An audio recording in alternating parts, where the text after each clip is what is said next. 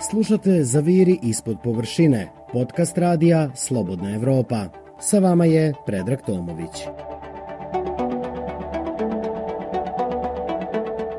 I dok epidemija koronavirusa u Crnoj Gori ne posuste, dok brojevi COVID slučajeva premašuju 11.000, dok se zdravstveni sistem nalazi pred pucanjem, a ljekari pale crveni alarm, među nama ima onih koji su se nakon borbe sa koronom vratili prirodi i tamo potražili snagu da nastave normalan život u mjeri mogućeg uslovima u kojima svijet, a sa njim i Crna Gora, funkcioniše skoro će pa godinu. Iako nam je poslala virus, priroda nam sa druge strane na svoj način pomaže da ga pobjedimo, koliko god to zvučalo nerealno i izazivalo sumnju. Važno je da joj se vratimo, čak i u vremenima kao što su ova, kada cijeli svijet strahuje od koronavirusa. Ja sam Predrag Tomović, a u ovom podcastu Radija Slobodna Evropa donosimo priču o Milošu Lazareviću, 27-godišnjem žabljačaninu, koji je snagom duha i tijela pobjedio COVID i koji, kako kaže, energiju crpi iz prirode, pored koje i sa kojom živi. Miloš je planinar, ekološki aktivista, avanturista, poliglota koji, kako kaže, ne može da zamisli život u gradu. Smatra da je privilegovan što živi u srcu nacionalnog parka Durmitor, što pohodi vrhove te planine i kupa se u njenim jezerima. Evo me sa Milošem, hodamo kroz prelijepu borovu šumu. Ah, ovdje je kisonik gotovo da miriše. Prelijepo je Miloše. A kako bi, recimo na japanskom, rekao ja volim planinu, ja volim prirodu? Watashi wa aiko no yama desu. Kono no yama wa utsukushi desu, subarashi desu. Tako bih rekao. Aha. A kada bi ove e, dvije rečenice izgovorio na svim jezicima koje govoriš, kako bi to zvučalo? Questa natura è ottima, na italijanskom. Dieses Natur ist sehr am schönsten, na njemačkom. Na ruskom, eta priroda, очень krasiva, krasive. Koji su još ostali? Na kineskom. Na kineskom. Zhe shan je he, hen, pjaliang. Uh, wow, impresivno. A Miloše, reci mi koliko imaš godina? Ja, ja imam 27 godina sad. I m, negdje te ljudi poznaju kao ekološkog aktivistu, kao nekoga ko živi a, sa prirodom, ali ko živi pored, bukvalno i doslovno pored prirode.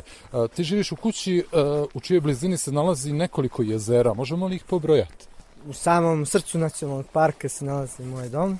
Ovaj, u neposrednoj blizini se nalaze Crno jezero, Barno jezero, Izmin jezero. A ta tri jezera zajedno sa svih ostalih ukupno 18 jezera čine gorske okši i stop su Durmitora kao UNESCO zaštićenog nacionalnog parka. A koje ti onako da kažem omiljeno? Je li imaš neko jezero koje zaista a, zauzima posebno mjesto u tvom srcu i možda pitanje zašto? A pa pored Crnog jezera koje je unikatno po svojoj prirodi a, i veličini i dubini, a, za mene je ipak broj jedan jezero Šrško jezero.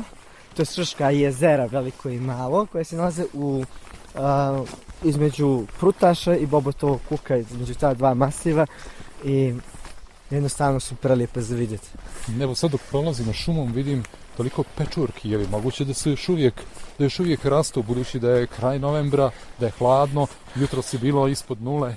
To je jedan glavni prikaz klimatskih promjena, prije svega da mi u novembru možemo da ih beremo.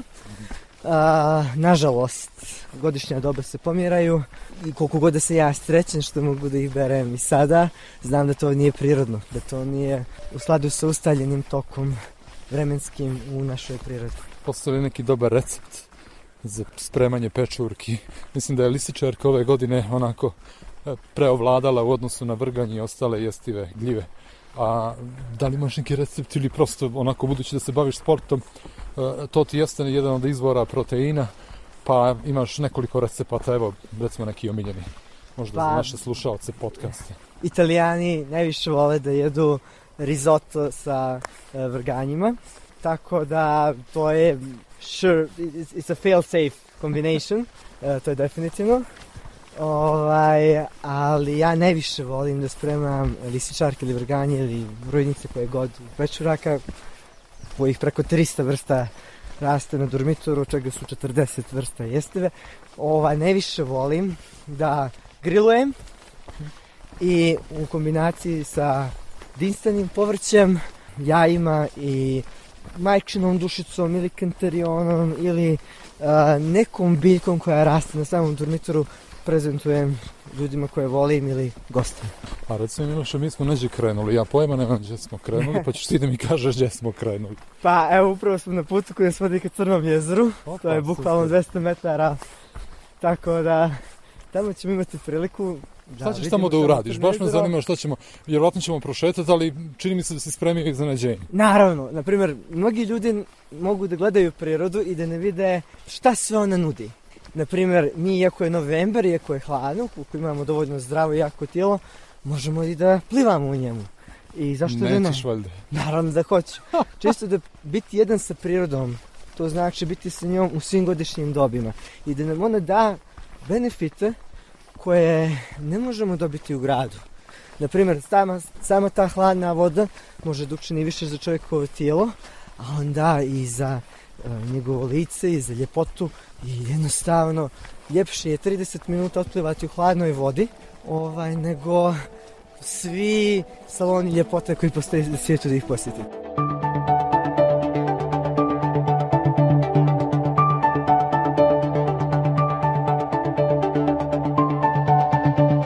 Vjerovatno da mnogi od nas misle da su za ljepotu potrebni novac i dobar plastični hirurg. Miloš ipak kao beauty treatment praktikuje kupanje u ledenim vodama Crnog jezera. Približavamo se ponti sa koje će Miloš, vjerovali ili ne, da zapliva u Crno jezero. Ne smijem ni da pitam koja je temperatura vode u, u, u jezeru. 5 stepeni sada, ako bude toliko bit ću zadovoljan. 5 stepeni. I ti uopšte nemaš neku vrstu zazora, straha, nelagode, što će što ćeš prosto da, da za par trenutaka uđeš u, u tako hladnu vodu? Pa, mislim da sve te nelagodnosti su samo produkt našeg uma. I ako nešto hladno, samo možete reći nije hladno. Vidim put, više nije hladno. Hoćeš da kažeš sve je stvar da je kontrola uma ključ. Naravno. Ja mislim iskreno da meni ne bi pomoglo. Svakome bi. Hajde da se spustimo do vode, da ja ovako... Oh. O, majku mila. Ne da je hladna, nego boli kako je hladna. Koliko je spoljna temperatura po tebi sad? Pa ima jedno 7 stepeni sigurno. 7? 7. Mm. 7 stepeni na polju, 5 stepeni u vodi, što znači da će da ću morati da ti asistiram čim izađeš da te ugrijem. Podnijeli smo i peškir, tako da ću biti asistent. Ako izađe. Nadam se da ćeš izaći jer u suprotnom ne želim ni da pomislim šta bi se desilo. Oh. Tri, dva,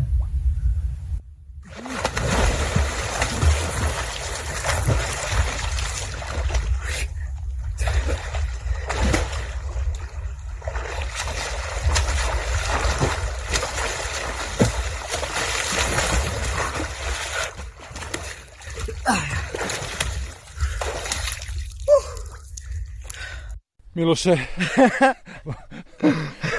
preživio si. Pa naravno. Kakav je osjećaj bio zapravo? Um, pa adrenalin je uvijek lijep. I ako hoćete da smršate, ovakve aktivnosti su najbolje, jer baš stimulišu gorenje kalorija. Žao mi je samo što nisam mogao još dalje da otplivam, jer moramo da završimo naš intervju. A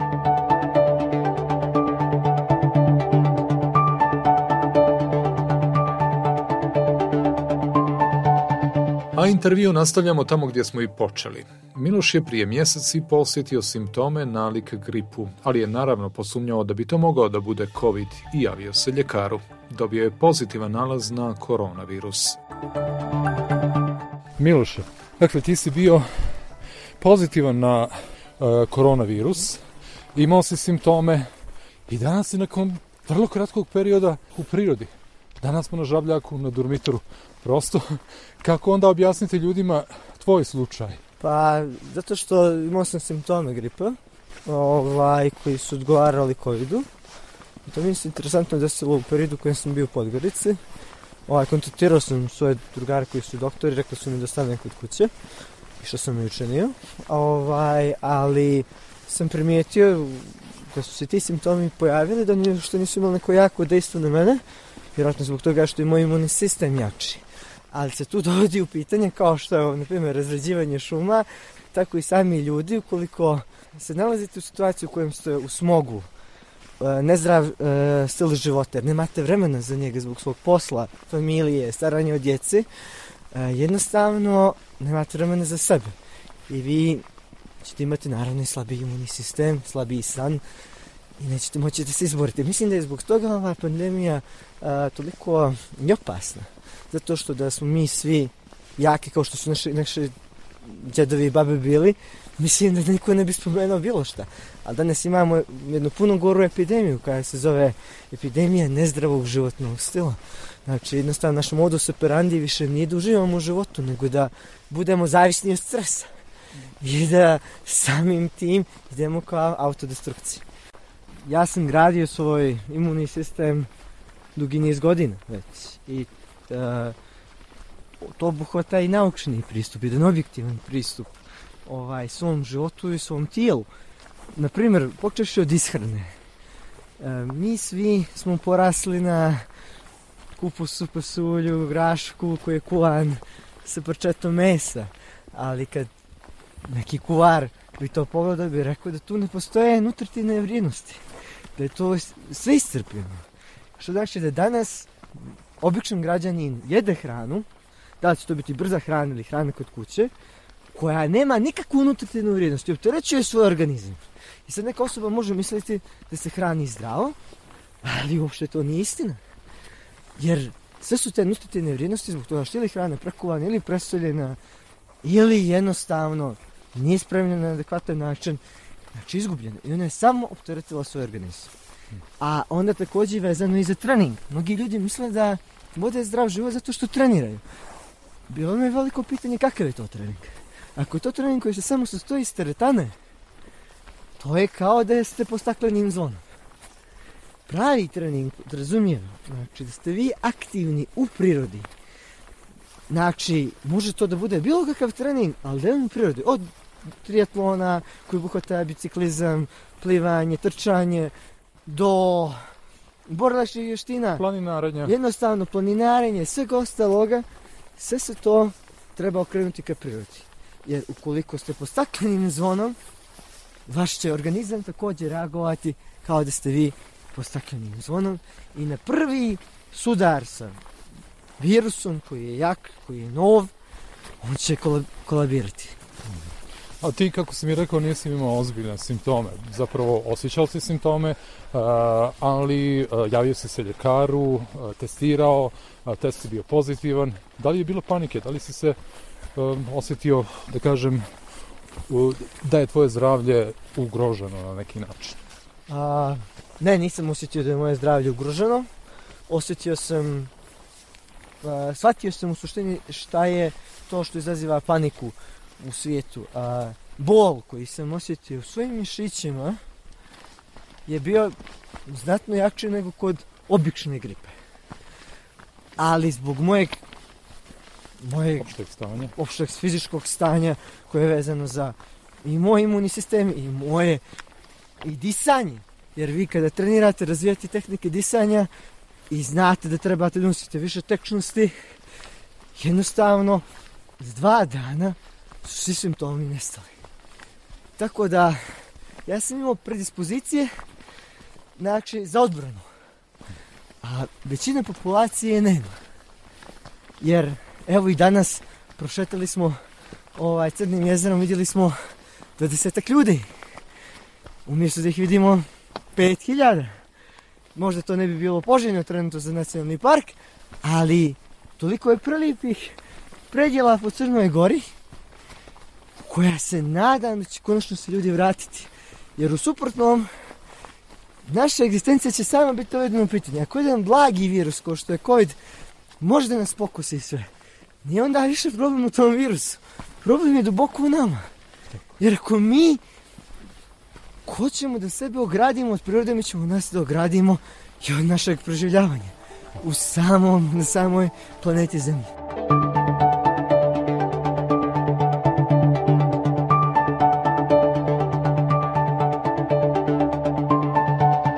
Relativno lako se izborio sa simptomima, a ni izolacija mu nije teško pala. Naprotiv. 14 dana. Je li bilo smorno, naporno? Mnogi ljudi kažu, oh, kako ću izdržati 14 dana u zatvorenom prostoru. Kako je to vrijeme tebi prošlo? To vrijeme meni je bukvalno savršeno prošlo, zato što sam radio sve one stvari koje radim svakodnevno. Znači, prosto sam bio zahvalan za dodatno vrijeme koje imam za samog sebe, jer sam mogao da neke stvari, neke filmove ili serije koje nisam stigao da pogledam, ranije pogledam, znači da malo vremena tih 3-4 sata odvojim za sebe. Znači, ne, ne razumijem zašto danas su ljudi toliko uplašani um, da je samo izolacija kao da neka strašna stvar, jer ja jednostavno nemam vremena, znači, e, nemam dovoljno vremena da radim stvari na svakodnevnom nivou. I ne shvatam odakle je ta tolika panika da ljudi budu sami sa sobom. Šta je zapravo, to? tebi je zapravo samo izolacija bila onako dobro došla. Bez obzira na činjenicu da si bio inficiran a, ozbiljnim, da ne kažem opasnim virusom. A koliko sam shvatio iz prethodne priče, ti si čak i vježbao u tom periodu. Naravno. Naravno, znači čak sam, jer jednostavno hoćete da izbacite što više tačnosti iz svog organizma. Jedan od najefekasnijih načina su hit vježbe, high intensity interval training, uh, koji baš to stimuliše, to možete raditi u stanu bez ikakve buke i treba vam četiri, treba vam četiri kvadrata prostor. A nije se plašio da bi to moglo na neki način da utiče na, na tvoje zdravstveno stanje? Ne, to samo može da ga pospješi. Zato što ukoliko možete da odradite vježbe da se ozimite još više, to znači da možete da više tečnosti i više nutrijenata u svoje tijelo. A plus, uh, u sad modernim sistemom suplementacije, znači vi možete donesete sve aminokiseline koje vam zamjenjuju infuziju ili bilo što drugo, tako da ukoliko niste sposobni znači, da spremite hranu ili da se plašite gala, uvijek možete to suplementacijom nadokladiti.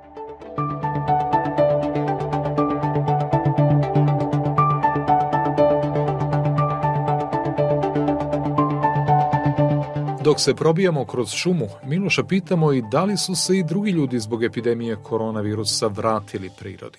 Ovo je godina koju će mnogi pokušati da zaborave, budući da živimo u, još uvijek u vremenu pandemije koronavirusa. Ljudi su uplašeni, ljudi su zbunjeni, nekako nas je taj virus sabio u, u četiri zida. Da li su se po tebi ljudi vratili prirodi? Ja mislim da je taj trend krenuo još mnogo prije pandemije, ali da je od početka pandemije on intenziviran. Jer su ljudi shvatili da ne žele da budu zarobljeni ovaj, ne samo u svojim stanovima, već i u saobraćaju, u saobraćajnim gužvama, ka, koje, ka svom poslu. Život više nije život u gradu, nego je to zatvor. Mnogo sam poruka dobio od svojih prijatelja, kolega, gosti iz cijelog svijeta, da jednostavno bi dali sve što imaju samo da mogu da budu na dormitoru, pogotovo što još, jer još uvijek traju a, zabrane kretanja. A, ne mogu više da zamislim svoj život u velikom gradu. A, a čak ni u malom gradu kao što je Podgorica, jednostavno ne mogu, moje tijelo ne želi to da prihvati više peo si, pretpostavljam, ove godine e, e, durmitorske vrhove. Da li si sretao više ljudi koji planinare? Da li si sretao više ljudi u blizini jezera, u, u šumi, berača, pečuraka? Prosto, ne mislim prije svega na turiste, nego mislim na domicilne. Dakle, na ljudi što se tiče domicilnog stanovništva, naravno da da, i to je tako prijatno iznenađenje bilo, jer a, ljude koje nisam očekivao da će biti ovaj, inspirisani da što kreću po prirodnim pejzažima, jer Durmitor je pak planina, ovaj, su bile tu. I čak u poznijim godinama, što znači da konačno se čovjek osjeća da se vrati onamo odakle je potekao.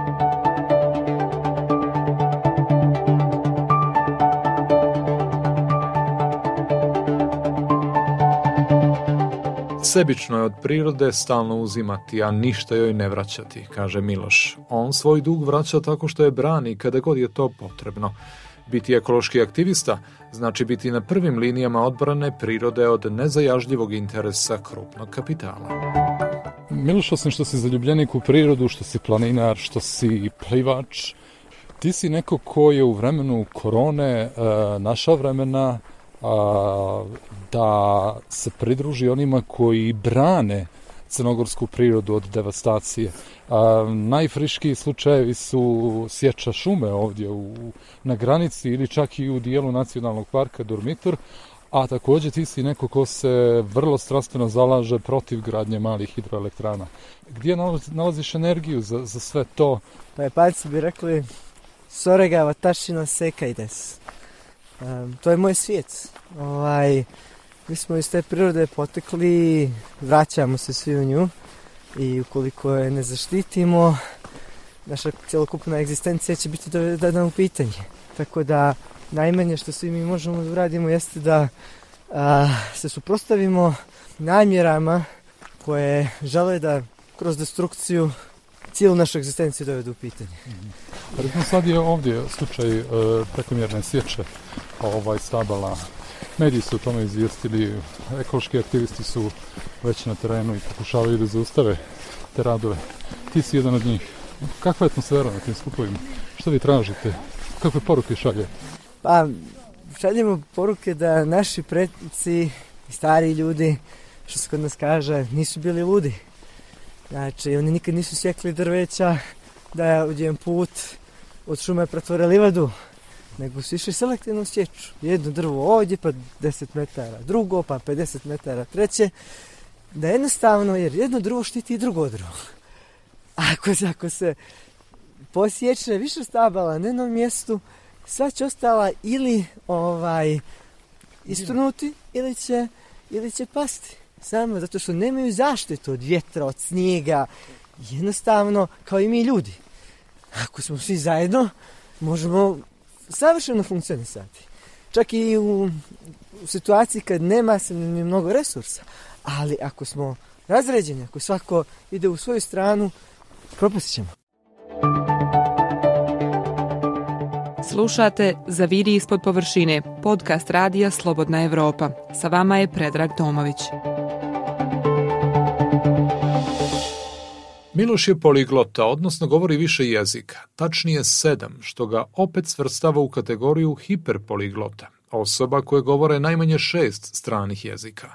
Kako nam je kazao, jezik je uči po posebnom algoritmu koji naziva skriptom. Kako god, Zamolili smo ga da nam dočara situaciju u kojoj je domaćin grupi turista iz Kine koji dolaze da vide Crno jezero. Kada bi recimo ovoga trenutka došli gosti recimo iz Kine, kako bi im predstavio Crno jezero? A, pa na sljedeći način, rekao bi im 这是黑湖，这个湖是多米多国家公园的最漂亮的湖，也这个呃这个湖是最大的湖。Ili? Ili, na primjer, Crno jezero je jedno od 48 jezera Dormitor nacionalnog parka i najljepše jezero u tom parku. Ovaj, ono je također i najveće jezero ovaj, samog parka. Šta bi im eventualno još rekao, preporučio? Na što bi mu kazao? 啊、你们可以游泳这儿，呃，你们可以坐到地头的北京，这个大是最漂亮也最好的。Uh, također bih im predložio da šetaju do Titove pećine. Uh, ta lokacija je izuzetno lijepa, a također je i sam prostor velik. Sad to im još nisam rekao na kineskom, ali s ovoga mjesta mogu da vide i veliko i malo jezero najljepše i mogu da uživaju.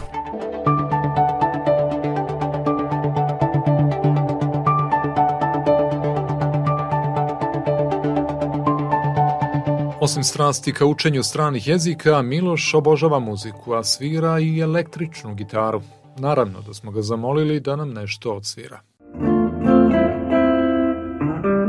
E, sad znam što ću ti odsviram. 3, 40.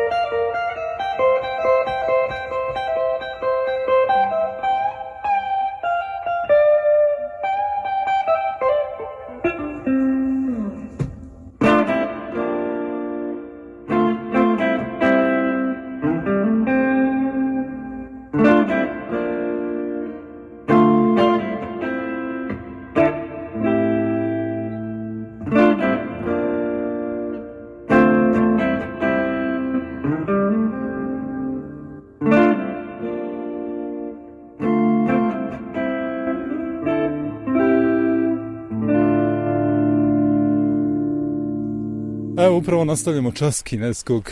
Imamo jeli, zamišljenu situaciju da imamo grupu turista iz Kine koji su došli na Crno jezero, tu je Miloš, da im pomogne sa lokacijama koje moraju da obavezno vide i posjete Miloše. 呃，从黑湖你们可以坐到波波托库山，这个山是呃杜梅特国家公园的呃最高的山，и你们要三点 呃坐到那儿。Od Crnog jezera mogu dotići do Bobotovog kuka e, za 3 sata, jer Bobotov kuk predstavlja jedan od najvisočijih parkova u nacionalnom parku Dormitor i mi smatramo to je jedna veoma lijepa tura.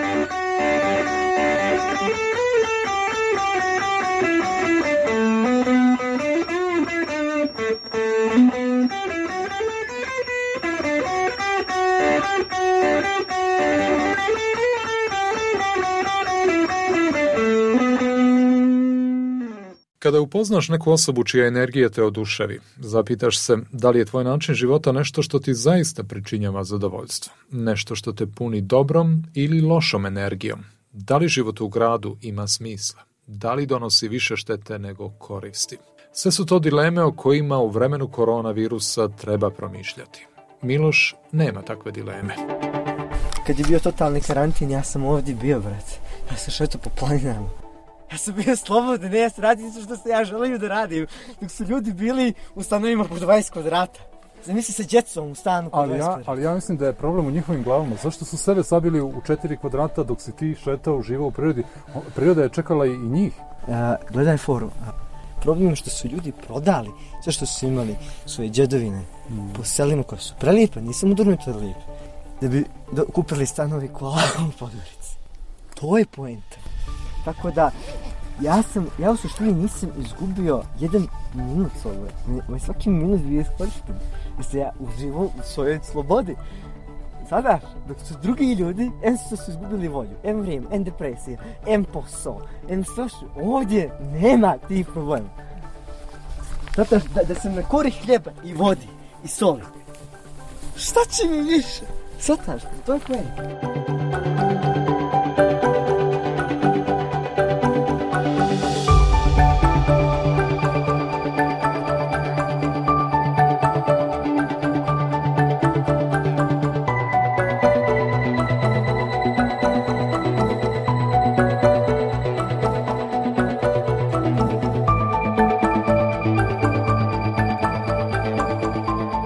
Ovo je bio podcast ZIP. Zaviri ispod površine. Ja sam Predrag Tomović. Slušajte me ponovo na slobodnaevropa.org.